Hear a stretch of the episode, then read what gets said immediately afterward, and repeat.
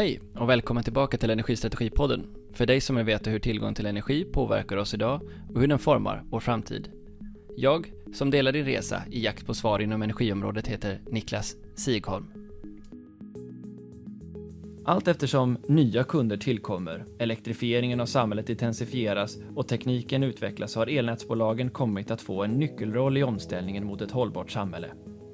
Annika Wiklund är VD för Vattenfall Eldistribution som med sina 900 000 kunder är en av de stora aktörerna på marknaden. Vad kommer förändringen att medföra för hennes organisation?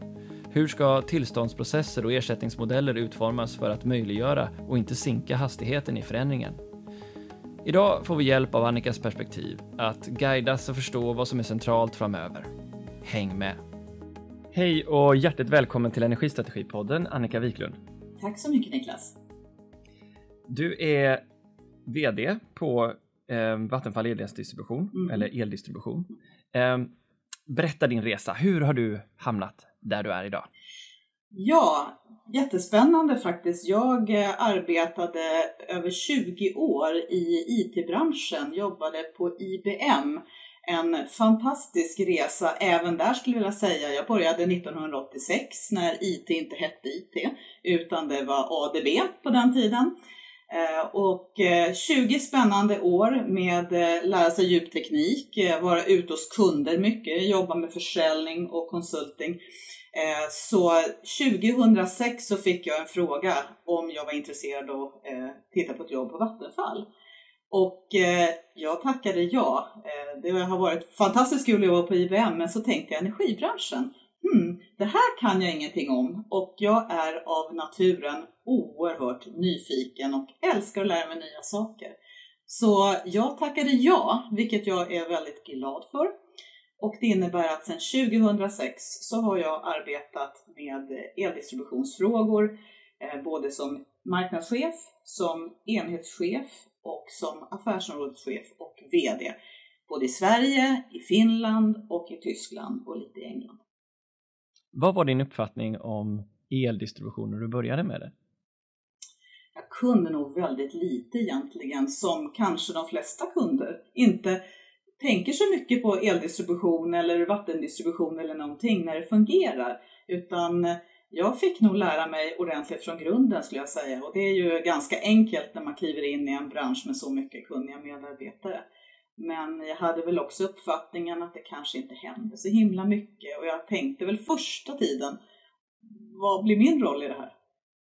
Ja, hur var det att komma från en så konsumentdriven bransch till eh, eldistribution? Fanns det fördelar, och nackdelar, trösklar? Ja, det var ju en skillnad att gå från en, ska jag säga, väldigt kvartalsstyrd diskussion. Jag kommer ihåg en av de första strategiska planerna som det talades om på Vattenfall eh, på den tiden, det var att vi ska ha en hundraårsplan vad vi ska ta oss och det svindlade framför ögonen på mig i alla fall. Men eh, det går från ett amerikanskt eh, företagsliv och företagskultur som jag trivdes väldigt väl i till en väldigt svensk kultur. Eh, jag arbetade brett i många branscher med många olika kunder. Nu var det bara att jobba med energibranschen. Eh, så jag, jag tänkte nog faktiskt de första månaderna, jag undrar vad jag gett mig in i, men jag funderar lite grann, vad, vad, skulle man med mig till? Jag tror att det var att man ville ha en annan profil och bakgrund som man kanske inte traditionellt hade i, eh, i eldistributionsbranschen. Och eh, som sagt var, sen dess har jag trivts vansinnigt bra för att eh, det är ju mer likt egentligen när man väl börjar lära sig saker och ting. Det finns kunder som har förväntningar. Det finns enorm kompetens i bolaget som eh, man kan också både lära sig av själv när man kommer in som ny men också som vi kan ta vidare ut till kunderna. Och eh, framförallt eh, så blir man ju väldigt förtjust i att jobba Eh, väldigt långt ner i näringskedjan. Och med ner menar jag att det är det här fundamentan som man blir så otroligt stolt att få arbeta med. Berätta lite om Vattenfall Eldistribution för oss. Ni är en av de största regionnätsägarna i Sverige, men hur stor är er verksamhet och var finns ni? Mm. Man kan ju säga det att eh, varannan kilowattimme som går genom svenska nät går genom Vattenfalls nät. Eh, vi har idag eh, nät i norra Sverige, vi har det i västra, östra och Sverige och runt, runt Stockholmsområdet. Vi har 900 000 privatkunder om man räknar in våra dotterbolag både uppe i Ludvika och på Gotland. Och vi har ett regionnät som är ungefär 50 procent av det svenska regionnätet. Ja, och så är det lite speciellt också eftersom ni har ju Gotland. Eh, Absolut. Inte... Vi har Gotland också, både länken till Gotland och också genom vårt dotterbolag där, som vi samäger med Region Gotland, eh, också distributionen på ön. Just det. Hur många är ni i bolaget ungefär? Vi är nästan tusen personer i bolaget. Vi har vuxit rätt ordentligt och det har vi gjort med anledning av att vi har gått från, om jag ska uttrycka mig lite slarvigt kanske, en mer förvaltande kultur med mycket reinvesteringar och sånt till att faktiskt göra stora investeringar och satsningar i vårt nät nu för att kunna ansluta allt fler kunder. Och vi tror ju att den här vägen kommer vi att gå många år framåt nu med tanke på elektrifieringen. Elnätet är möjliggöraren. Var eh, finns ni någonstans? Vi sitter på våra kontor, så utöver i Visby och uppe i Ludvika på dotterbolagen så sitter vi i Solna där Vattenfall har huvudkontor, vi sitter i Trollhättan eh, och vi sitter i Luleå och Jokkmokk där vi har vårt kundcenter. Mm. Okej, okay, men då vet vi lite mer om er och vi tänker så här, om, om vi börjar att ta avstamp i det som du beskrev eh, var nuläget när du kom in på Vattenfall Eldistribution eh, som rörde sig kring förvaltning så är ju mycket av kärnan i er verksamhet att förvalta näten och som vi har sett så har investeringstakten gått upp. Kan du berätta lite grann om ni, hur ni håller er på tårna eh, i en allt liksom, ökande investeringstakt runt att förvalta näten? Mm. Vad är de viktigaste frågorna? Jag, jag skulle vilja säga att många av de viktigaste frågorna är ju faktiskt de att underhålla det elnät som vi har byggt och, ägt i många år. Och, eh, även när jag började för 15 år sedan så var det viktigt att jobba med vädersäkring som man kanske uttrycker sig lite slarvigt, men säkerställa att eh, vi har ett nät som står pall oaktat vilket väder det är, om det är islast eller snö eller, eller ja, mycket regn eller vad det nu måste vara för något, eller framförallt blåst som vi har sett de senaste åren. Vi började med den här vädersäkringsaktiviteten långt innan Gudrun kom 2005 var det väl, 4-5. Ja, just det. Och, eh, så att, eh, och det ska jag säga, det här är fortsättningsvis en väldigt viktig aktivitet för oss att se till att vi kan, vi kan på olika sätt garantera att eh, kunderna fortsättningsvis får det. Mm. Det handlar ju om att kablifiera lokalnätet där det passar eller isolera, med, eh, ja, se till att byta ut luftledningen till isolerad luftledning, röja ledningsgator, se till att eh, också bygga ut skulle jag säga många områden där eftersom städerna växer och jag skulle säga många delar i, i Sverige växer så behövs det mer el så det handlar också om att se till att eh, öka kapaciteten. Det handlar om att byta ut gamla ledningar och apparater och sånt som är tekniskt uttjänta, blanktråd, teknisk bristfällighet och annat där kanske det saknas reservdelar eh, och sätta mycket investeringar naturligtvis i att vi har ett eh, inte bara driftsäkert nät utan också elsäkert och personsäkert nät. Sen handlar det om elmätare, det skulle jag säga är en förvaltningsinvestering. Eh, vi ligger väldigt långt fram i Sverige när det gäller de smarta mätarna. Jag kommer ihåg när jag började 2006, då höll vi på med den första utrullningen i Sverige. Det skulle ju vara på plats till 2009 då vi hade de mätföreskrifterna. Eh, många av våra kollegor runt om i Europa tyckte det var imponerande om man tittade på, på Sverige och Finland och Italien som då låg väldigt långt framme. Nu är vi ju inne i den andra utrullningen och byter mätare. Det är många stora bolag och mindre bolag som gör det för att eh, föreskrifterna skärps ytterligare och mer funktionalitet ska in i det här. Och en del har inte ens börjat i Europa. Men byta av elmätare, stora projekt som pågår. Sen under covid ska jag säga har vi fått in en del ärenden kring elkvalitet och det är väl sådär när du och jag Niklas jobbar hemma. Då märker man om det är något som inte fungerar eller man flyttar ut i sin sommarstuga. Så att vi har fått hantera en hel del elkvalitetsärenden och eh, gjort det på ett eh, utmärkt sätt tycker jag. Och sen är det ju, vad gör vi nu då i de här viktiga underhållsinvesteringarna? Ja, det handlar ju om att eh, jobba med automation, det är sensorer, installera, installera sensorer på olika sätt, men också se till att nätet är så, använder så mycket klok teknik som möjligt för att minska antalet avbrott, kunna koppla runt elen om det händer någonting, men också kunna detektera om det är några fel ute i nätet som vi skulle kunna åtgärda lite snabbare. Egentligen två frågor här jag tänker på. Det ena är, blir vi bättre på att underhålla nätet år för år och vad beror det i så fall på? Ja, om jag ska börja med den frågan så ja, jag tycker vi blir bättre. Dels så tycker jag att den tekniska utvecklingen går så snabbt, men det brukar ju inte hjälpa om man inte är duktiga på att implementera det. Men jag tycker att vi är allt duktigare på att implementera det. Vi har många olika typer av pilotprojekt som man testar olika saker och ting, kommer vi säkert ut, återkomma till. Men eh, till exempel att man kan analysera den information man har i nätet på ett bättre sätt idag. Så att man kan gå till förebyggande underhåll på ett, eh, på ett bättre sätt istället för kanske avhjälpande. Det är ju, kunden är inte särskilt glad om man väl står där med ett avbrott utan kunden öns vi önskar att kunderna ska slippa ringa till oss, i alla fall när det gäller avbrottsfrågorna, så att, att man kan förflytta vårt underhåll till att vara förebyggande och, och prediktivt. Så att, eh, Ja, jag tycker vi är bättre att eh, använda mer tekniska hjälpmedel och också ändra arbetssätten så att de anpassas efter det. Det är ett ständigt jobb, men det, det, går väldigt fort nu. Det är drönare och det är sensorer och det är felindikatorer och massa spännande saker, inte minst med all digitalisering som kommer. Kan ni se det i er uppföljning av antalet avbrott? Lyckas ni sänka dem?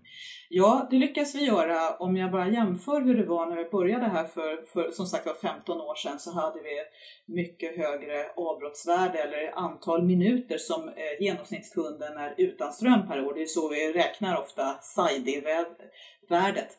Och det har ju gått ner signifikant, inte minst med alla insatser man har gjort för att vädersäkra näten. Men också att vi kan vara mer pricksäkra i vårt underhåll genom att veta att när behöver saker och ting åtgärdas och att man också kan i dagens läge, skulle jag säga, använda mycket mer dataanalys för att se hur uppför sig nätet? Är det några ledningar där vi har mycket mer avbrott till exempel? Det brukar nog gå under namnet värstingledningarna. Eh, oerhört viktiga när man prioriterar underhållsmedel och eh, ska bygga om. Så att, ja, jag tycker det går ner och det märker vi också. De områden där vi har gjort de här stora insatserna, där har kunderna blivit signifikant nöjdare. Men det här är inget som man blir klar med. Vi har ett stort nät som ska förvaltas så att det gäller att ständigt vässa sig och bli bättre. Och för övrigt så är det ju någonting som vår övervakande myndighet, Energimarknadsinspektionen, alltid följer och vi får årligen skicka in hur tillgängligheten ser ut i nätet. Mm. Jag, tänker att eh, vi, vi, kommer säkert, eller vi kommer komma in på elnätsregleringen och vi kommer komma in på andra marknadsfrågor senare. Men jag tänker en sån här klassisk avvägning inom strategi är den mellan å ena sidan kunna bygga kvalitativt och å andra sidan kunna bygga fort. Eh, skulle man kunna tänka sig att förlägga ledning i mark eller ha luftledning? Eh, I vilken grad och hur, eller snarare så här, hur hanterar ni det att det sker en så snabb utveckling eh, på marknaden där ni behöver vara snabba å ena sidan och å andra sidan när ni vill bygga ett nät som är hållbart över tid. Finns det en sån eh, målkonflikt och hur jobbar man med den? Ja, målkonflikten är ju sån att eh, ofta är det att eh, kunder och, och, städer och kommuner vill ju ha väldigt snabbt till exempel om man, man kanske ska bygga ett exploateringsområde Eh, nya lägenheter och då vill man snabbt säkerställa att det finns tillräckligt med kapacitet och annat. Och jag tycker att vi, vi måste ju alltid väga, vi kan ju inte sitta och säga eh, ja, ja, men ni får vänta tills vi är klara, utan tvärtom, det gäller ju att ha en bra dialog. Att är det till exempel så att eh, man börjar med ett område först och sen kan nästa komma, kan man hitta infasningar på det här, olika steg i det. Vi behöver både jobba robust, att vi har robusta elnät. De som jag sa tidigare, de ska ju stå pall oaktat vilket väder, vilken temperatur det är och vad som än händer. Eh, men det finns ju också planer som våra kunder och kommunerna har att, att vi vill ha det här på plats. Så jag tycker det inte finns kanske inte en målkonflikt i varje projekt, men jag skulle vilja säga att definitivt när det kommer till elektrifieringen och det som både du och jag följer med stort intresse, det här undret som händer i Sverige. När vi pratades vid häromdagen så man får ju gåshud allt som händer i Sverige. Där finns det ju en jätteförväntan att saker och ting tar väldigt kort tid. Samtidigt så behöver vi stå för att det är en robusthet, inte bara se till att det minimeras antal avbrott utan att man har, man har bra elkvalitet och det funkar för allt omkring. Så att, mm. det, men det är ju det som är lite spännande. Svårt är roligt brukar vi säga. Ja. Ja, ja nej, vi, jag, jag, jag är väldigt sugen på att komma dit. Eh, men jag tänker vi ska prata om lite om det här kring det här med förvaltning då. För att en del av den här eh, förvaltningen är som du beskriver en teknisk utveckling och det sker teknisk utveckling på så många olika ställen. Det är allt från i hårdvaran och i, runt ställverken och runt kablifieringen men även i mjukvaran för att övervaka och använda eh, AI för att eh, göra automatiska omkopplingar i nätet. Hur jobbar ni för att eh, införliva ny teknik? Har ni någon struktur eller sätt att se på hur ni testar och provar och för in ny teknik i organisationen? Ja, det har vi. vi. Dels så har ju vi varit aktiva under många år i, tillsammans med eh, övriga europeiska nätoperatörer. Vi finns ju med i branschorganisationer och har ett eh, ska jag säga, europeiskt utbyte och är representerade i många olika organisationer där vi både tar del av vad andra gör, för man behöver ju kanske inte alltid uppfinna alla hjul själv, men eh, vi är också med i olika typer av test och demonstrationsprojekt som eh, Europakommissionen eh, annonserar där man har möjlighet att kunna få finansiering på vissa delar kring det och då tycker vi att det är väldigt bra att man, man både kan testa nya koncept, gärna med andra länder eller andra eh, operatörer i Sverige. Eh, och sen har vi också organisatoriskt grupper som jobbar med Eh, digital innovation och, och, digitala hubbar hos oss. Så att eh, vi har väldigt duktiga utvecklare som både för den här dialogen med, som jag sa, andra länder men också testar de här olika demonstratorerna. Och det som är bra, det finns ju på vår hemsida, man kan titta lite grann vilka vi har varit med på. Just nu handlar det väldigt mycket om flexibilitet, men det handlar ju också om andra typer av, av innovation, till exempel hur ska man kunna överlasta Eh, luftledningar lite grann ibland. Det finns ju dimensioneringskriterier till exempel på vad en ledning när det gäller både temperatur och vind, när det gäller kylning och så vidare. Men eh, genom att till exempel lägga in sensorer eller hänga, hänga upp sådana här donuts på dem så kan man få något som kallas dynamic line rating, det vill säga under vissa förhållanden kanske man kan överlasta nätet lite grann. Och varför ska man göra det? Jo, men det handlar ju om att det tar tid att bygga elnät och vi vill ju inte säga till våra kunder att de ska ta en kölapp på sätta sig i väntrum och vänta, utan vi vill ju kunna använda det nätet vi har så effektivt som möjligt parallellt som vi också bygger ut. Så att det finns organisation för det här hos oss. Vi är med i de forum som vi tycker är värdefulla och vi arbetar i utvecklings och demonstrationsprojekt tillsammans med andra. Och eh, sen införlivar vi det här, se till att de kommer med de tekniska riktlinjerna, vilka vi använder för att dimensionera våra nät. Så att det här är en en naturlig och rimligt sömlös eh, verksamhet. Sen är det ju naturligtvis alltid lite utmanande att eh, ibland får man ju bygga nät på ett annat sätt än man har tänkt sig. Men jag tycker nog att det finns en, en stark teknik och ingenjörskultur hos oss och det gör att man tycker det är rätt kul med sådana saker. Märker du att automationen påverkar er organisation, era processer på något sätt? Jo, men det gör det ju absolut. att vi behöver ju använda eh, data, framförallt den information som vi kan få ifrån nät från att göra analyser och framförallt datadrivna, datadrivna beslut. Vad är det faktamässigt och att vi kan få en mycket större större bredd i den information vi har, att vi behöver inte fatta beslut enbart kanske på observationer och djup kunskap som finns i organisationen, utan vi kan också para det med den information som finns. Så, eh, och då handlar det om att, att vi gör analyser eh, som är baserade på alla de här olika delarna. Och sen så försöker vi se Eh, hur vi kan jobba både med traditionella metoder men också nya innovativa metoder för att till exempel minska fel och så. Så att eh, jag tycker det, det är helt självklart. Vi har ett nät som pratar hela tiden och, och ger ifrån sig olika signaler hur det mår och eh, det är klart vi ska ta tillvara det och se till att vi kan åtgärda det och framförallt upptäcka lite snabbare saker och ting som händer. Vi är på väg mot elnätsregleringen, men vi, vi behåller oss lite grann kring det här med digitalisering och vad det får för effekter. För, för en del av säkerheten och uppkopplingen är säkerhetsfrågan och eh, säkerhetsskyddslagen. Hur eh, påverkar den er och hur förhåller ni er till att, ett ökat behov av kommunikation med hårdvara? Självklart, precis som du säger, att säkerhetsfrågan har ju blivit allt starkare de senaste åren och jag tror att alla Eh, nätägare och eh, många i energibranschen har också sett det här och också byggt upp organisationerna och genomfört grundliga analyser, riskanalyser. Vi är ju väldigt vana att göra riskanalyser så det här är ju ingenting som är nytt för oss. Men däremot eh, så väger vi naturligtvis både gällande lagstiftning, de risker som eventuellt finns. och det är ju inte bara säkerhetsskyddslagen utan vi har ju andra lagar. Vi har GDPR och annat när det gäller eh, privacy-sidan som har kommit väldigt starkt. Men, men jag tycker nog att genom att man, man har alla de här kunskaperna med i bolaget och man gör en omfattande analys att hur kan vi jobba, hur ska vi, hur ska vi sätta upp den här typen av informationslager och annat. Och även om jag inte naturligtvis går in i detalj på hur vi har tänkt så är det här någonting som vi behöver förhålla oss till eh, Och igen, jag kommer tillbaka till att vi ska ha ett robust nät och då måste vi naturligtvis se på också den hotbild som finns i vår omvärld, men också skaffa kunskap och, och eh, ha väldigt goda planer för hur, hur man kan arbeta för att göra det så säkert som möjligt. Så att det här är ju, det är ju någonting man helt enkelt får leva med. Ja, även vi som ett litet digitalt bolag ser ju hur vi blir utsatta för automatiska attacker varje vecka. Jag kan bara tänka mig hur många tusentals attacker som drabbar er varje vecka, automatiserade eller riktade sådana. Eh, hur trygg känner du dig?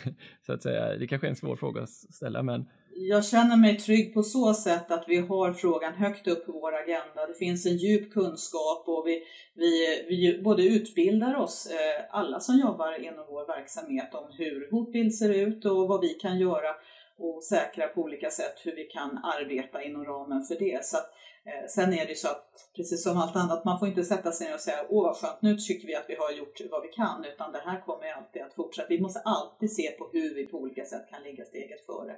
Och jag vet att det här är en, en jätteutmaning och det tror jag inte är bara för, för Vattenfall, det tror jag är för hela energibranschen och inte, absolut inte avgränsat i Sverige. Men, men som sagt var, ha frågan levande, ha, ha dialogen öppen och gör att göra de avvägningar vi behöver göra hela tiden och ha Eh, full insikt och förståelse för vad som är skyddsvärt och, och hur det ser ut och hur vi kan hantera det. Eh, så att jag, jag tycker att vi har no, några år före började man ju diskutera hela eh, den här GDPR-lagstiftningen och hur man kan säkra att kunden ska känna sig trygga med de uppgifter som finns och hur det används. Så att arbetssättet och, och systematiken i det här, det tycker jag vi har bra i ryggraden. Mm. Eh, men du känner inte att det finns ett hot att eh, lagstiftningen och så som den ser ut eh, hotar den utveckling av ökad flexibilitet och 15 minuters avräkning och ökat behov av efterfrågan styrning mot laststyrning.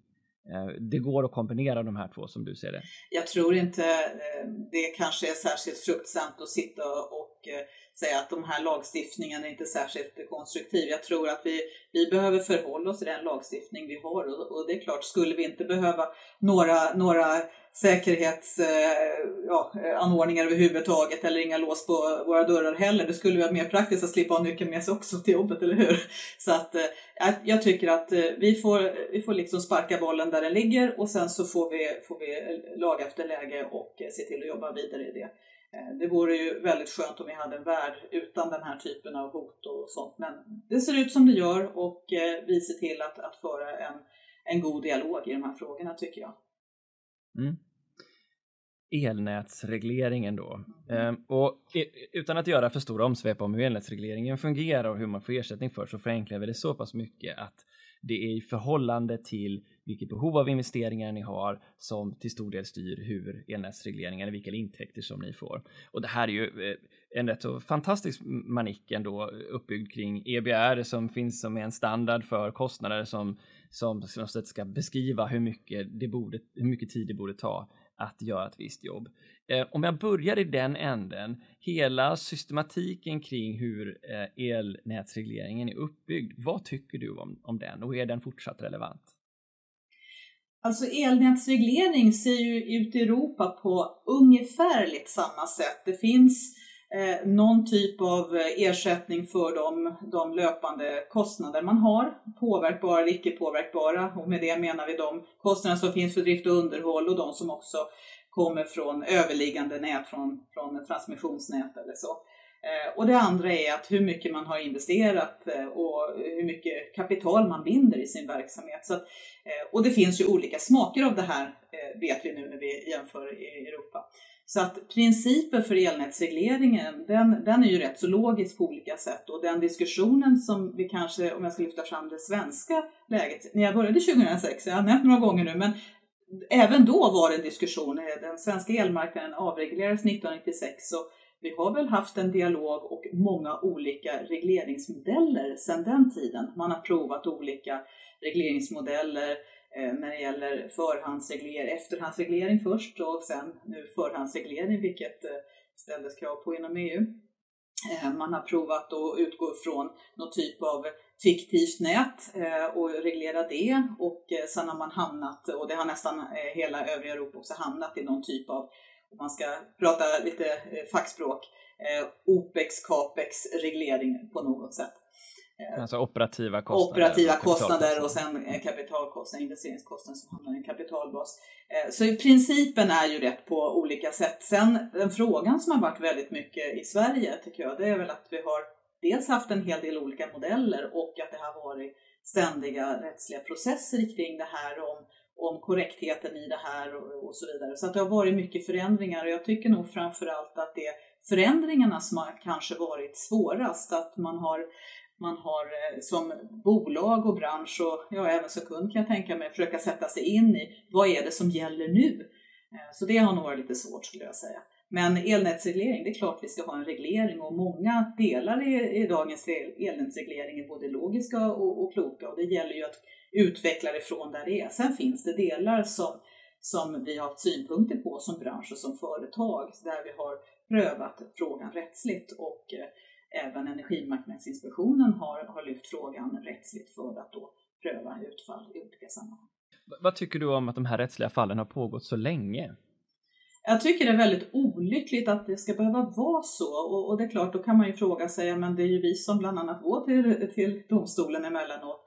Jo, det är ju helt riktigt. Vi behöver ju också se att när, när vi ser delar i en reglering som som vi tycker inte följer den lagstiftning som finns eller den är helt enkelt orimlig för att vi ska kunna göra de här stora investeringarna på ett, på ett vettigt sätt och ha en rimlig avkastning. Eh, då behöver man pröva det och tittar man bakåt så har ju elnätsföretagen eh, givits rätt i domstol under väldigt många år. Och eh, just nu är vi igen i domstolen och hoppas väl att så småningom få besked vad som gäller med innevarande reglering. Vi står i en reglerperiod som började 2020, som avslutas 2023. Och eh, nu skriver vi 2021 och frågan för innevarande period är fortfarande uppe rättsligt. Jag tycker det är olyckligt och jag, jag skulle väl önska att det kanske kunde bli lite som en del andra europeiska länder, att det finns alltid en väldigt spänstig och och viktig diskussion mellan reglermyndighet och eh, elnätsföretag. Men kanske inte lika mycket rättsliga processer som det har varit historiskt. Och därför så tror jag det skulle vara kanske olyckligt att slänga upp eh, elnätsregleringen och börja om helt från början. Det har man gjort några gånger och det, det är ju en anpassningstid både för kunder och för myndighet såväl som eh, elnätsbolaget anpassa sig till det. Så att det vore nog bra att få få, få lite mer fokus nu på att vi gemensamt kan bygga det elnät och det system som behövs för att eh, göra elektrifieringen möjlig. Men ska försöka få vårt huvud runt det här då, för å ena sidan så behöver ni öka era investeringar fram, framåt. Visst, det kommer vi prata om, behoven av kunder som står och rycker dig i kavallslaget och säger öka takten, kära Annika. Eh, å andra sidan har ni samtidigt fått klä skott från inte minst Anders Ygemans håll, men även andra politiska håll som menar att man kan inte få betala för mycket för plastpåsen innan man går in på en ICA Eh, hur ser du på det här att å ena sidan då nästan bli anklagad för att vara en part som tjänar för mycket på en monopolställning. Å andra sidan från samma, från samma politiker få önskemål om att takten ska öka. Hur, hur, ska vi, hur ska vi, om jag tar rollen som konsument, förstå det här eh, uh, ur, ur dina ögon? Ja men det är väldigt svårt Niklas, du sätter ju fingret på något att det är väldigt svårt att förstå. Eh, och det är ju så här att det är ju inget unikt för, för vår bransch att vi är reglerade. Det, eh, först och främst så kan man säga att delar av, av eh, elbranschen är ju avreglerad. De absolut största delarna är avreglerade. Sen har man en reglerad del som är elnät. Eh, och sen så, så finns ju naturligtvis lagstiftning som behöver inarbetas i det här och sen behöver man se till att det finns rimliga förutsättningar det har varit väldigt mycket fokus tror jag under väldigt många år, kanske inte minst för om vi tittar på 15 år sedan eh, när vi ändå har bytt eh, regleringsmodell så många, många gånger och det har blivit lite grann ett start-stopp-läge när det gäller just investeringarna för att man har inte vetat som bolag vilken reglering man till syvende och sist kommer bedömas utifrån. Och, och, det har varit olyckligt så att det har också påverkat prisnivåer och annat. Och diskussionen har ju väldigt mycket rört sig kring elnätspriser. Eh, och sen eh, kanske inte jag delar uppfattningen att vi är en plastpåse eh, utan eh, snarare en oerhört viktig möjliggörare för den här elektrifieringen och kunna bli, att vi ska kunna bli fossilfria inom en generation, vilket vi strävar efter från Vattenfalls håll. Ehm, så, så jag, jag, tycker att det, det, är svårt att förklara. Vi försöker förklara eh, så gott vi förmår eh, vad vi, varför vi behöver investera. Tittar vi bara tillbaka till exempel mellan 2010 till 2019 så låg eh, vår eh, Vattenfall eldistributions investeringsnivå på ungefär 3,5 miljarder per år. Vi är på väg upp mot det dubbla kommande decennium. Just för att vi behöver investera. Eh, och eh, det, det som vi ser är rimligt, det är att vi också måste kunna eh, finansiera det här. Eh, och det är ju så att det finns ju bara en som betalar elnäten. Det är vi alla som sitter fast i elnätet. Så det ska ju, kostnader eh, ska ju socialiseras som det kallas, att man delar upp det utefter förbrukning eller andra olika parametrar. Och de som kommer in nytt i ett elnät, de betalar anslutningsavgift för att få vara med här. Så att eh, det är ju klurigt förstås eh, att försöka beskriva varför ibland står elnätspriserna stilla och så investerar man och ibland så höjer du dem och fortsätter investera. Var, vad är, hur är relationen, hur hänger det här ihop? Och det har att göra mycket skulle jag vilja säga genom att vi, vi har den här osäkerheten vad som gäller. Har man en, en större stabilitet så har man också möjlighet till en mer långsiktig planering också Eh, Eh, något jämnare priskurvor skulle jag säga så att det blir mer logik att, att eh, gör man stora ombyggnationer och sånt så, så hänger elnätspriserna med där. Nu är det ju en dialog då på gång eh, mellan elnätsbolagen inför nästa reglerperiod som ska starta 2024. Ändå så är det flera oppositionspolitiker som har gått ut och kritiserat att det ännu inte dragits igång ett ordentligt arbete inför nästa reglerperiod och hur den ska se ut. Delar du den kritiken eller hur ser du på att det fortfarande inte kommit ut någon tydlig information om nästa reglerperiod som ändå ligger ganska snart? Ja, givet det läget att vi sitter just nu och diskuterar innevarande periods reglering eh, så tycker jag 2024, jag menar vi är ju i full gång att planera elnät som ska byggas 2024, 2025, 2026 och det är klart att Eh, om, man, om man sitter på min sida av bordet så vill ju vi från, från elnätsbolagens sida förstå vad har vi för förutsättningar, vad är det som gäller då? Eh, jag tycker det, det är väl all typ av reglering och lagstiftning just nu i, i den här delen av branschen. Vi behöver ju ha, föra en väldigt nära och konstruktiv dialog. Att jag är mån om att vi varken har lagstiftning eller reglering som blir liksom Eh, stenar i skon Eh, när vi nu ska försöka ha full fokus på att se till att de här elnäten kommer på plats så att kunder och samhälle och kommuner får det som man efterfrågar. Så att 2024, ja, det är klart, vi är väldigt glada att få vara med i dialogen i vårt perspektiv på det, men det känns som att eh, det skulle vara bra att för en gångs skull kanske gå in i en period med, med klara förutsättningar och veta vad som gäller. Det skulle vara otroligt glädjande. Mm. Ja, du väljer att ta en positiv ansats på det och säga vad bra det vore om det fanns en. Okej, okay, jag förstår det. Okej, okay. men då, då lämnar vi elnätsregleringen och så går vi över på de här, på två olika frågor som vi står inför i framtiden. Den ena är, och båda har lite av karaktären, hur sjutton ska, vi, ska ni lösa det här då? Eh, och den ena är den snabba utbyggnaden av efterfrågan och hur vi löser den och den andra är den om hur vi ökar möjligheten till efterfrågeflexibilitet. Vilken skulle du vilja börja med? Jag kan väl börja med första då. Ja, men då så, då är ju ni mitt uppe i, i den regionen som ser den absolut största tillväxtökningen i hela Sverige, nämligen norra Sverige, där vi både har en satsning på LKAB som kan i fram till 2045 öka sin konsumtion upp till 55 terawattimmar och så har du H2 Green Steel som pratar om att de behöver en, en 12 terawattimmar och sen kanske dubblera det över tid. Eh, det är ju alltså, för lyssnarna ni ska förstå så är det digniteten av att lägga på ytterligare en tredjedel av hela svenska elsystemet. Eh, och vi pratade tidshorisonter som ligger en, ja i vissa fall bara för några år, tre, fyra år bort och i andra fall kanske en tio år bort. Hur, hur skapar man förutsättningar i en organisation som ändå har jobbat i en bransch som har varit stabil under många, många år att helt plötsligt få den här typen av efterfrågan eh, på bordet? Hur, hur, hur är det? Ja men det är ju, det är ju lite fantastiskt eh, samtidigt som man, man blir ju jätteglad och man blir superengagerad och eh, vi, vi är ju djupt inne i tron att elnäten är möjliggöraren för det här så att det, det är ju fantastiskt kul samtidigt som man funderar lite grann hur ska vi hinna göra allt det här? För att vi, vi har stor respekt för det här med tillståndsprocesserna. Det är ju någonting som har varit i fokus under rätt lång period och Eh, det, det, finns också en politisk förståelse för att man måste korta de här tillståndsprocesserna parallellt som man också måste säkra de demokratiska processerna kring det här, självklart. Men det här har ju gjort att vi, vi försöker jobba eh, nära våra kunder för att förstå deras behov. Vi försöker förstå, är det någon eh, så att de behöver alla de här all, all den här stora anslutningen direkt eller kan det möjligtvis komma i olika faser?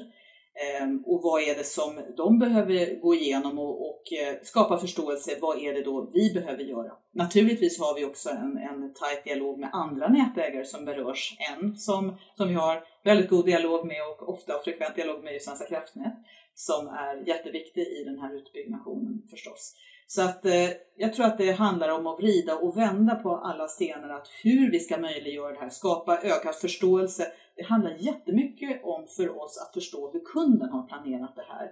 Och eh, jag, jag tror att vi försöker tänka att absolut ska vi göra det här och hur gör vi det snarare än att, att eh, vad, vad är det som går och vad är det som inte går så att säga. Sen är det ju en, en, en massiv utmaning och eh, det kommer ju kanske många kunder samtidigt på samma plats eller eh, rent av på olika platser. Så det är väl just den här frågan som, som jag brukar ibland säga, det är, det är som ett tåg som står på perrongen och det kommer springande massa som vill med med det här. När ska man stänga dörrarna och åka och säga nu blir det den här nätplanen vi ska bygga efter? Eh, eller kommer det några hundra megawatt springande på perrongen och säger hoppsan, jag vill med också. Eh, det är ju frågan. Men vi försöker ju se till att planera för så, så kloka och robusta nät som bara möjligt är, eh, givet de förfrågningar vi har. Och sen är det ju så att det är klart, eh, finge man önska så skulle man vilja ha de här åren på sig för att kunna göra den traditionella planeringen. Men, men det gäller för oss att jobba agilt. Det gäller att se vad kan vi få fram eh, så, så klokt som möjligt. Och det som vi alltid kommer fram till, tror jag, många av oss nätägare, är ju tillståndsprocesserna. Finns det möjligheter att, att driva vissa saker parallellt kanske för att att eh, kunna snabba upp lite grann. Och, och, vi har ju lyft flera gånger att eh, det tar ju upp kanske till 10-12 år att bygga eh, stamnätsförbindelser medan eh, på, på regionnät och lokalnät så tar det ju kanske åtminstone fem år och de här åren de har inte kunderna. Vi förstår att de här kunderna de har bråttom att komma ut på en världsmarknad och erbjuda sina tjänsteprodukter. Så det är klart det finns en väldigt drivkraft där. Är du eh, nöjd med den utredning som kom om moderna tillståndsprocesser och de förslag som fanns där? Är det tillräckligt?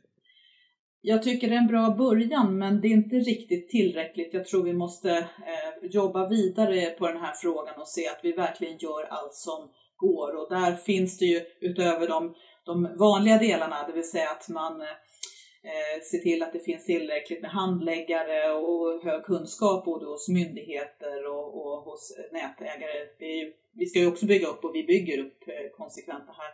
Eh, så handlar det om att vi vi måste också se vilka delar kan vi skapa parallella, parallella spår. Kan man börja göra, kan man börja med viss typ av behandling av koncessioner före all, all till exempel inventering är gjord på alla håll och kanter. Jag tror vi måste se vad kan vi lägga parallellt? Det kommer att behöva göras mer. Så att en bra början, men vi behöver mer. Hur ser du själv på den, du var inne på det tidigare, den demokratiska aspekten. Det finns ju också en, en miljöbalk som utvecklades på 90 och 00-tal här som också får stor påverkan och många poängterar just att det är en balans mellan å ena sidan kunna bygga snabbt och å andra sidan ta hänsyn till demokrativärden och miljövärden. Ehm, har, du, har, har ni någon uppfattning eller någon personlig uppfattning om, om hur vi har byggt upp eh, sån lagstiftning och, och, om den är fortfarande eller om den, om den fortfarande är rätt så att säga utifrån vad vi behöver? Ja, men det är viktigt att det finns eh, bra processer och det finns en bra lagstiftning kring det här. Det är ju urviktigt att, att säkra att, att det finns liksom en robusthet i, i lagstiftningen.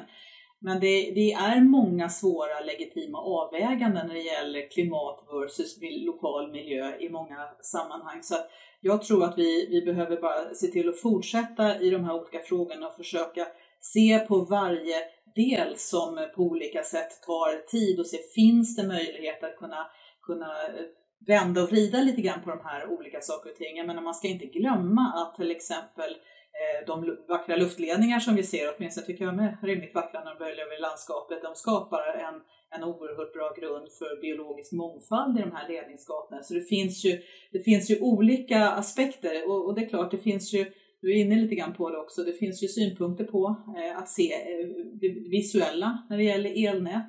Eh, att man kanske inte vill ha elnäten nära sig, man kanske inte uppskattar ledningar lika mycket som, som jag tycker är vackert att se på. Det finns ju annan typ av infrastruktur också, vindkraft och annat. Så jag tror att, att vi behöver nog fortsätta den dialogen och, och djupna den ytterligare, men det är svårare, helt klart svårare att komma fram med infrastruktur i dagens läge. Hade vi suttit här för hundra år sedan då såg man luftledningen eller man såg synlig infrastruktur som här kommer elektriciteten, fantastiskt.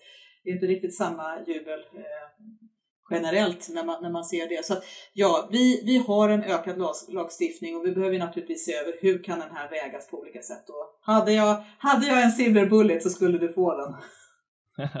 ja, nej men så här då, finns inte en anledning för en ledare som dig då att dra öronen åt sig när något sådant som Cementa händer här i början av sommaren? Att man, ni har en, en lång process och lämnar in en, en koncessions, liksom, begäran på flera hundra sidor och som är jättenödvändig för industrin och så får den nej. Alltså, den typen av risker har ju uppenbarat sig här med ett så här väldigt tydligt exempel för något som är superbra för svensk industri och det är bra att vi kan importera, att vi har självförsörjande på cement och eh, samma behov har vi ju av, av att eh, ni får koncession för nya ledningar. Eh, har, är, är, är man inte orolig för, för sånt? Jag tror att det här är en eh, del som kommer diskuteras allt oftare och du nämner ju också det att det är ju inte bara företag som, som drabbas för sin egen verksamhet och det har ju kanske inte alltid med, med energi att göra utan andra frågeställningar som, som du nämnde på Cementa. Men eh, definitivt när man ansöker om koncession för ledningar och annat så är det många olika delar att ta sig igenom Eh, och eh, som sagt man kan, bli, man kan bli återförvisad i de här ärendena också som gör att man behöver komplettera fast att man tycker att man har gjort riktigt gediget arbete. Nej, men det, här är ju, det här är ju naturligtvis en komplexitet och samtidigt så vet man att det ofta står en, en kund i andra ändan som, som har enorma ambitioner att sänka sitt eh, koldioxidavtryck som är viktigt för klimatet. Så att, men det här är väl ett, kanske ett, ett exempel just på det här med att hur, hur, kommer vi behöva ta oss fram mellan, mellan lagstiftning och näringsliv, energibransch och företag eh, framåt? Ja. Och det, det är kanske nu vi ser de här olika, kallade konflikterna eh, som, som finns. Men hur väl förklarar ni det där då? För det är väl exakt samma sak som jag ser det. Cementas eventuella tillstånd där det inte leder till en risk för att vi, ja, i det fallet väldigt, förlorar väldigt många jobb. Det pratades om flera hundratusen jobb som skulle kunna vara i fara. Men exakt samma sak skulle ju hända ifall några av era eh, kunder inte kunde få anslutningar på grund av tillståndsärenden. Det är ju tusentals jobb de här kunderna uppe i norr eh, liksom lovar att de ska kunna leverera till regionen. Eh, och nu ser man att Cementa har blivit väldigt tydliga och, och öppna i debatten om, om hur man ser på konsekvenserna av sin egen verksamhet. Är ni är ni, är ni ute tillräckligt och förklarar vad konsekvenserna är för samhället så att de förstår de här avvägningarna? Eller hur ser er roll ut i den diskussionen?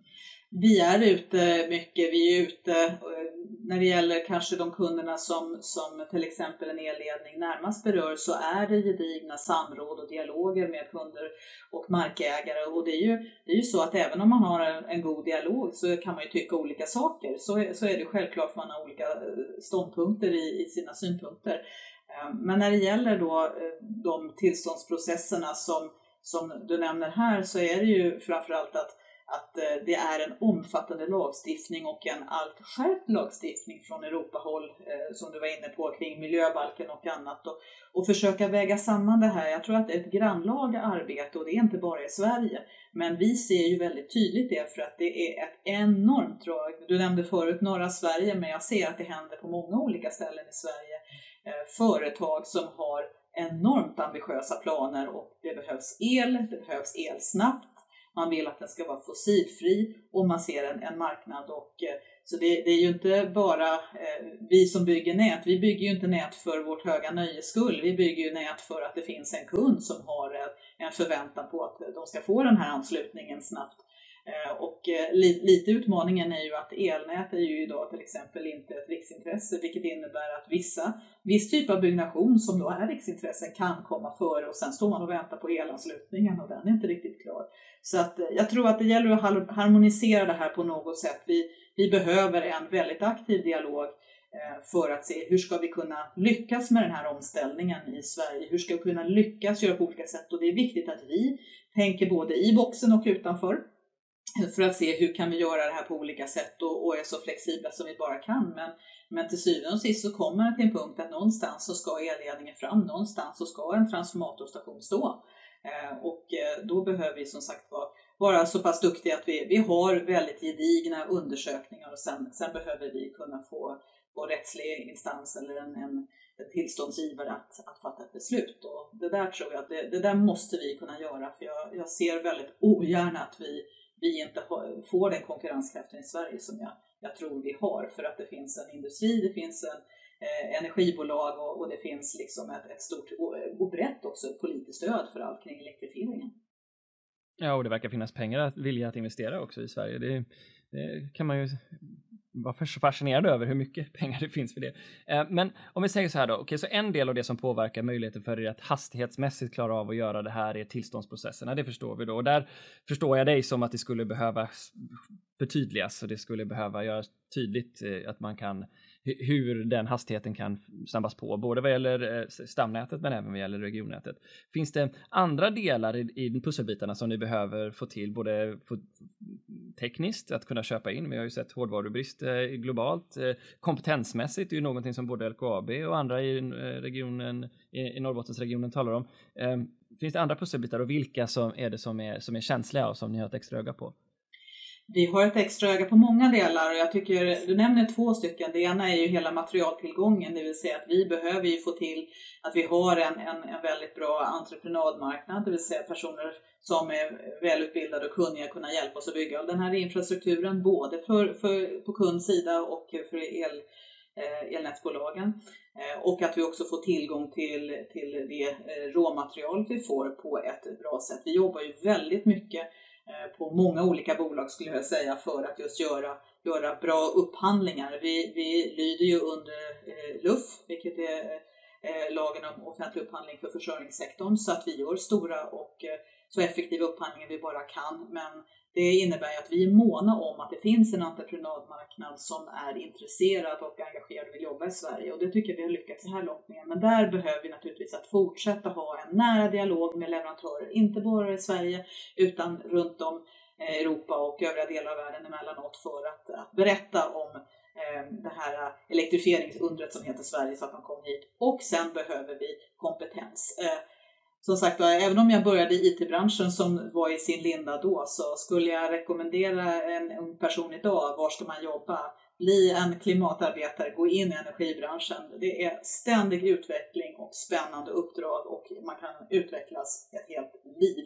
Det finns inget tu tal om det. Men, så det gäller ju att vi är attraktiva som arbetsgivare, att vi är ute och berättar vad vi vill göra och att eh, vi, vi får många att hänga på det här för att det behövs enormt många personer och vi, vi både bibehålla de duktiga kollegorna och medarbetarna vi har och relationerna till entreprenörer, men också attrahera nya. Så att jag vill verkligen slå ett slag till alla er som sitter och funderar vad ni ska göra med ert liv. Och det, det är inte bara elkraftingenjörer, det finns så många olika typer av eh, både akademiska utbildningar och andra eh, tekniska utbildningar som vi behöver för att möjliggöra det här. Så att, eh, eh kontakta ert närmaste bolag för att höra vad vad kan de erbjuda framåt? Ni är så välkomna.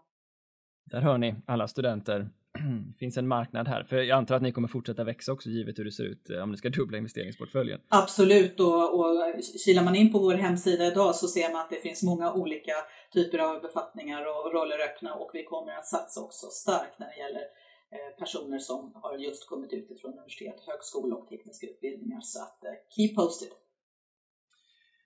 Okej, okay, i den eh, långsiktiga marknadsanalysen LMAn som kom från SVK i våras så visades fyra olika typer av scenarier upp. Och om man tar två av de scenarierna som också tar höjd för och innehåller båda de satsningarna som vi, ja, som vi nu vet vad gäller LKABs satsning, eh, Hot Green Steel satsning, Northvolt satsning, så visar de på att utan flex så kommer vi redan 2035 att kunna ha mellan 8,5 till 11,2 gigawatt i negativ effektbalans.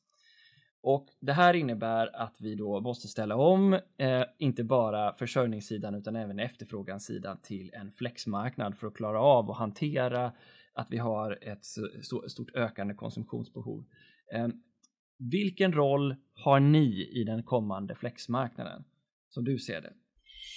Man kan säga så här att eh, energibranschen har olika typer av roller, både den avreglerade marknaden Eh, som, som kan vara med eh, och som sagt vara med och stötta marknaden, men, men även elnätsbolagen. Jag kan väl säga att vi har varit väldigt aktiva från Vattenfall Eldistributions sida att eh, jobba med just flexfrågan och den, det är så intressant så att det förtjänar nog en egen podd skulle jag säga att gå in i, riktigt i djupet på det där med flex. Men, men vi började tidigt att jobba med till exempel Uppsala som var en region som växer så det knakar och eh, vi såg att fortsätter den här fina tillväxten så kommer det bli en utmaning och det gjorde ju att vi började jobba väldigt nära med Uppsala eh, kommun och eh, de, de aktörer som fanns där för att hitta, fanns det möjlighet att kunna kunna eh, nyttja det läget vi har att eh, vi kanske emellanåt kan vara så att alla inte behöver köra samtidigt om man eh, uttrycker sig lite slarvigt. Men, men det är intressant, när media talar om flexibilitet så, så menar man oftast bara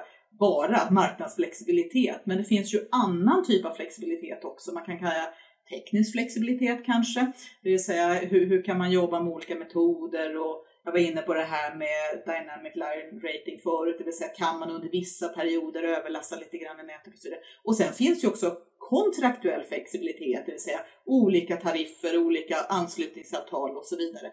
Och jag tror att man behöver titta på alla de här delarna för att optimera systemet. För att, att ha ett elnät som vid varje enskild tidpunkt kan leverera så att säga, råkraft bara genom elnätet. Det tror jag blir ett elnät ett, det tar tid att bygga nät, det vet vi. Två, kostnader för ett sådant elnät. Jag är inte säker på att alla som är med i det här elnätet vill betala för att man betalar för peak. Och det finns ju olika sätt, i, även i andra branscher, att jobba med hur ska man kunna reducera genom till exempel finansiella incitament. Vi kan ju ta vägtullsystemet i Stockholm, det är ju just ett, ett sätt att liksom kunna hantera hantera när, när alla vill på eh, samtidigt på vägarna. Och det är likadant med nätet, när, när alla vill köra samtidigt. Det är Eh, torsdag eftermiddagar eller vad det månde vara. Så att, att vara med här och förstå, finns det möjlighet att kunna jobba med olika aktörer som kan få en signal och säga det du kan kan, kan du kliva ifrån nu ett tag? Kan du förskjuta din, din, din elintensiva last just nu för att kunna, kunna lätta upp trycket lite grann? Och det där har ju faktiskt varit bra. Vi, har, vi är väldigt glada att ha den här dialogen med kommuner och, och kunderna. Och, och det måste jag verkligen lyfta och, och ge cred till att eh, det är en av de viktigaste frågorna för att kunna få flex eh, att hända. Det är att det finns ett intresse och ett engagemang. Det är inget, det är inget nytt tror jag att kunderna måste vara engagerade för att det ska, man ska prova nya saker. Men, men det har vi definitivt sett när man jobbar med, med flexaktörer. Vi jobbar med Stockholmsflex också som är ett annat. Eh, att, att titta på, på de här plattformarna. Hur, hur kan man också kunna kunna hitta en plattform för att enkelt kunna göra det. Jag tror att man måste, man måste, när man jobbar med olika typer av lösningar, flex eller något annat, så behöver det faktiskt vara enkelt eh, för, för kunder och aktörer att kunna delta i det här och då, då behöver man hitta, hitta eh, de plattformarna. Eh, och sen så kan jag säga på, på, på den lilla sidan, ja, lite flex eller vi kommer in i mikronät och energisamhällen och annat, så, så testar vi även där. Vi testade det på Arholma en, här en, en förändring som, som gör att eh, för att kunna till exempel ha en god elförsörjning där men också kunna, kunna eh, ha en dialog med lokalsamhället, möjliggöra, hitta olika komponenter och lösningar som gör att, att man, man kan använda tekniker som batterier och annat för att då eh, se till att nätet är robust och att det levererar hela tiden. Men, men flex, det kommer vara viktigt och det kommer vara parallellt med nättillbyggnad. Så att jag tror det viktiga tror jag när man, när man tittar på den här utvecklingen på, nät, på elnätssidan eller energisidan, det är att inte säga det, det blir bara si eller det blir bara så. Jag tror vi måste öppna den här verktygslådan vi har och använda alla delar i den. Jag ska faktiskt ha en intervju med din kollega Yvonne Ruwaida om just Stockholm Flex. Vi kommer, precis som du är på det här, att göra en helt egen podd där vi utforskar detta. Eh, och då är det så att det finns, eh, vi ska försöka sortera lite vad som är stort och smått i Flex. Det är klart att det, har du en stor värmepump som ett energibolag så kan det agera som en väldigt stor part i, i Flexmarknaden såklart. Har du elbilar och eller aggregerar dem så kan det bli en part över tid. Men ni då som, som elnätsbolag, i vilken mån kan ni använda Flex och ny teknik i framtiden för att kompensera för att kanske inte behöva göra utbyggnaden istället? Jag vet att ni bland annat har satt upp upp batterier. Vilken, vad tror du om en sån teknik och hur viktig kommer den bli för er i framtiden? Ja, som sagt var, det är en del i vår verktygslåda och jag tror att om vi kanske för några år sedan kan, kunde väl kanske tycka liksom att ja, men flex det kan nog vara bra, men, men vi måste bygga nät. Jag tror att det är mer självklart för oss att, att flex är en del man kanske börjar med att gå Eh, och det kanske är just eh, i sådana här sammanhang vi diskuterar att vi har en stor kund som snabbt vill ha en, en, en, kunna ansluta på en rätt så hög effekt. Så säger man att nej, men nu, det kanske vi inte har just nu, men vi kanske kan hitta olika sätt där, där det finns ändå möjlighet kan, kan du styra ner när det, när det är som värst? Kan vi börja där innan du får den man kallar för prima anslutningen? Det här, eh, man har ju inte liksom pratat om och prima avtal på nätsidan på det sättet för ett antal år sedan. Men kunderna de är ju ofta måna om att komma igång så snabbt som möjligt så att den här olika typer av infasningar, hur kan vi jobba med det här? Det, det, det kommer ju bli allt vanligare. Så Flex är alltid en del vi tittar på just nu och nu gäller det att hitta en systematik i den här lådan så att det inte blir en, det är ofta så med utveckling att det blir någon sån här ny kanin man drar i hatten och säger och så har vi det här. Och så tittar många på det här. Mm, är det här tillräckligt robust? Är det här tillräckligt prövat och så vidare.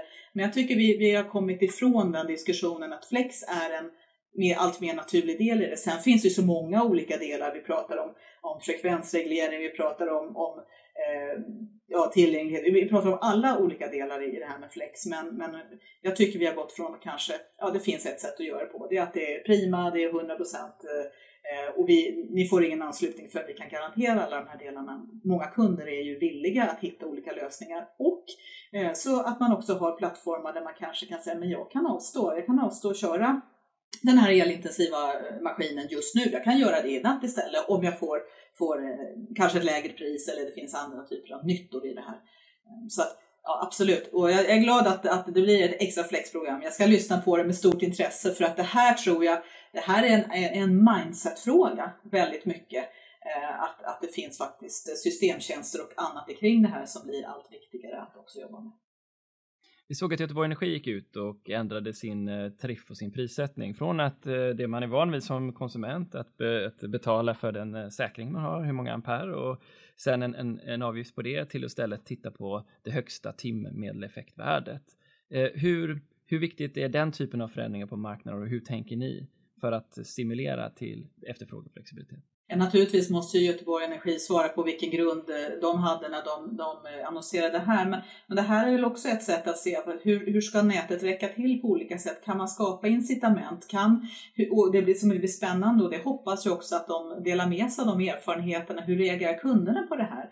Därför att eh, det är ofta så att i vissa utvecklingsprojekt när vi har testat så ofta kunderna, nu pratar vi privatkunder, är jätteengagerade från början. Det här verkar kul, men jag vill in och styra min förbrukning och sådana saker. Men över tid så kanske den här ja, du vet, gympapåsen som måste med och, och, och, frukten och allt det här som, som eh, upptar våra dagliga hjärnor med.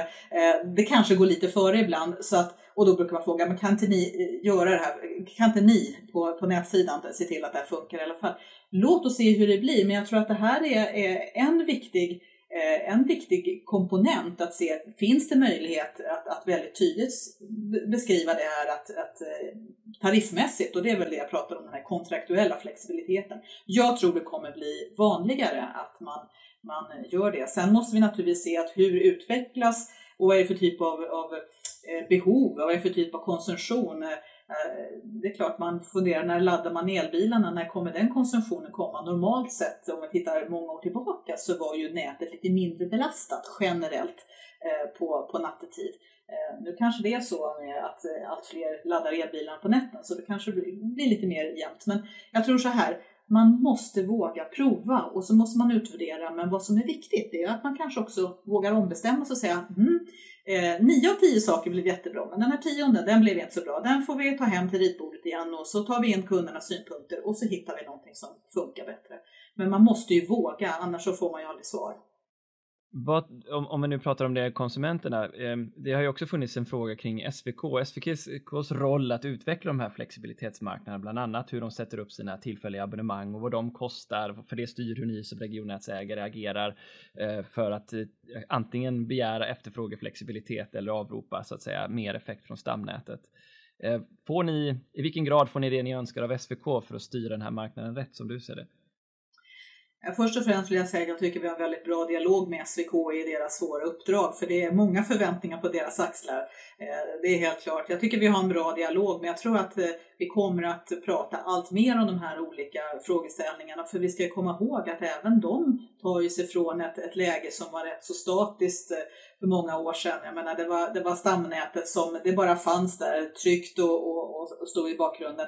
Men, men här är det ju oerhörda ändringar på väg, både nyrekrytering av massa duktiga medarbetare, eh, men också en enorm nättillväxt. Det här är en av de frågor som vi självklart för med dem och jag tycker att det finns en, en god förståelse, det måste jag säga, det tycker jag finns egentligen överlag eh, på nätbolagen Eh, och om vi kanske var lite olika förut, att det var olika förutsättningar till vissa områden av Sverige. Men då var det liksom kanske mer utflyttning, i andra var det mer inflyttning. Eh, på vissa ställen så var det industrikunder som var stabila och så vidare. Jag kommer ihåg att eh, Eh, går man tio år tillbaka så kunde jag nästan räkna på ena handens fingrar de nyanslutningar som vi hade ändå på regionnätet. Nu eh, tror jag inte min ena hand räcker en vecka ibland.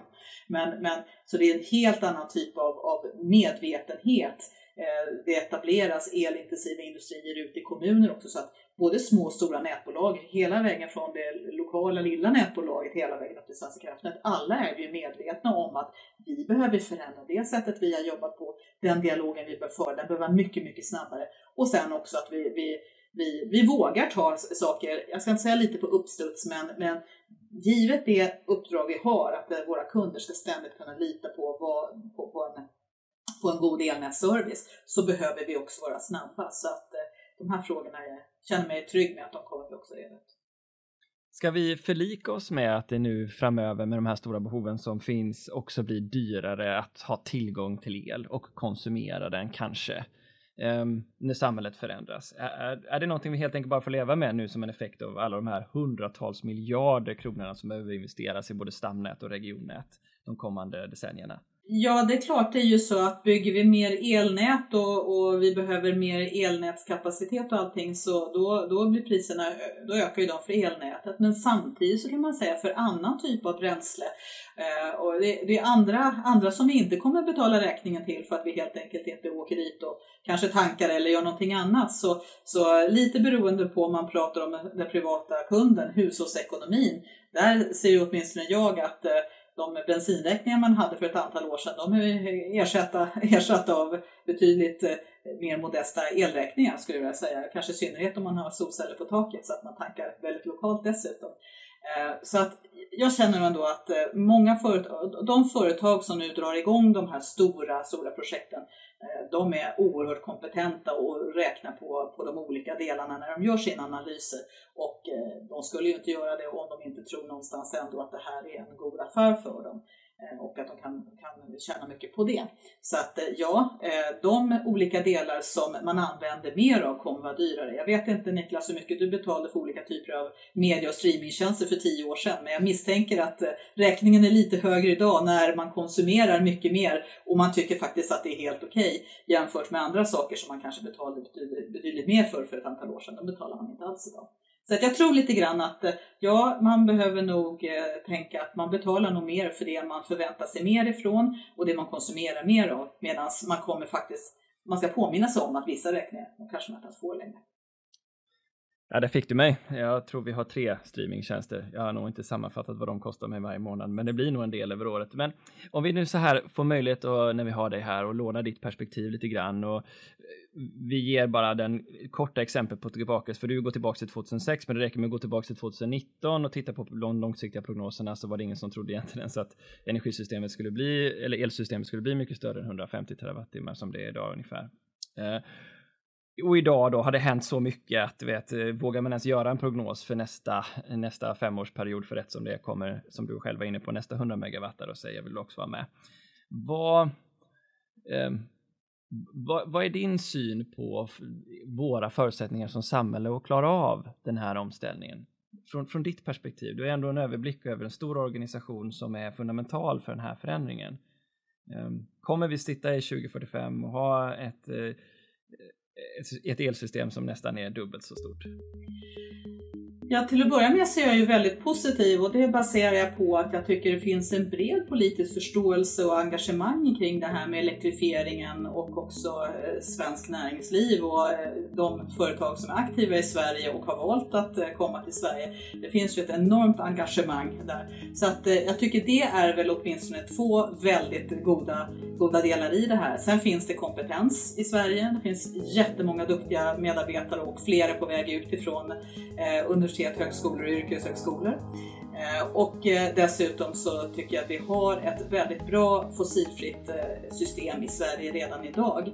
Och jag, jag, så jag känner att jag tror, jag tror väldigt mycket på Sverige. Jag tror att vi klarar det här, men jag tror att det kommer bli en lite bumpy ride. Men jag tror att det är ju inte konstigt när man gör en stor omställning, för vi är inne i en omställning och alla omställningar, nu kanske, kanske inte just du och jag var med på den tiden när, när man gjorde elektrifiering och industrialisering och allt det där, men, men det är klart det var en bumpy ride och det behövdes extraordinära nära diskussioner och, och vissa typer av stödsystem och annat för att få det här att fungera. Men eh, tittar man lite brett, som, som när man är i dialog med andra länder, att det finns ju en enorm förståelse för det man går igenom och det finns en stolthet. Och den här stoltheten och, och engagemanget, det tror jag kommer ta oss väldigt, väldigt långt. Men vi måste också våga ta de svåra diskussionerna. Vi måste våga ta de här diskussionerna kring tillståndsprocesserna, kring hur ska vi kunna komma fram eh, i, i, tid och så vidare. Och eh, det, det, är väl ibland, eh, om inte två steg fram och ett tillbaka, så kanske fem steg fram och ett tillbaka.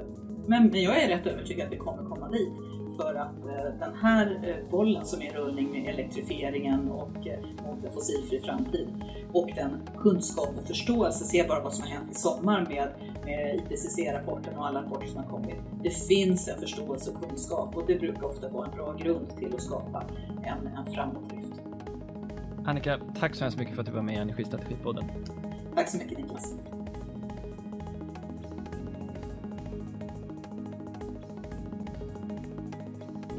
Från att ha diskuterat ett elnätsperspektiv på flexmarknaden går vi nästa vecka till att prata med de nya aktörer som dyker upp i kölvattnet av förändringarna. De är snabba, innovativa och väldigt tekniskt drivna. Hur ser dessa sin roll på flexmarknaden och vad innebär det för alla andra? Vi hörs om en vecka.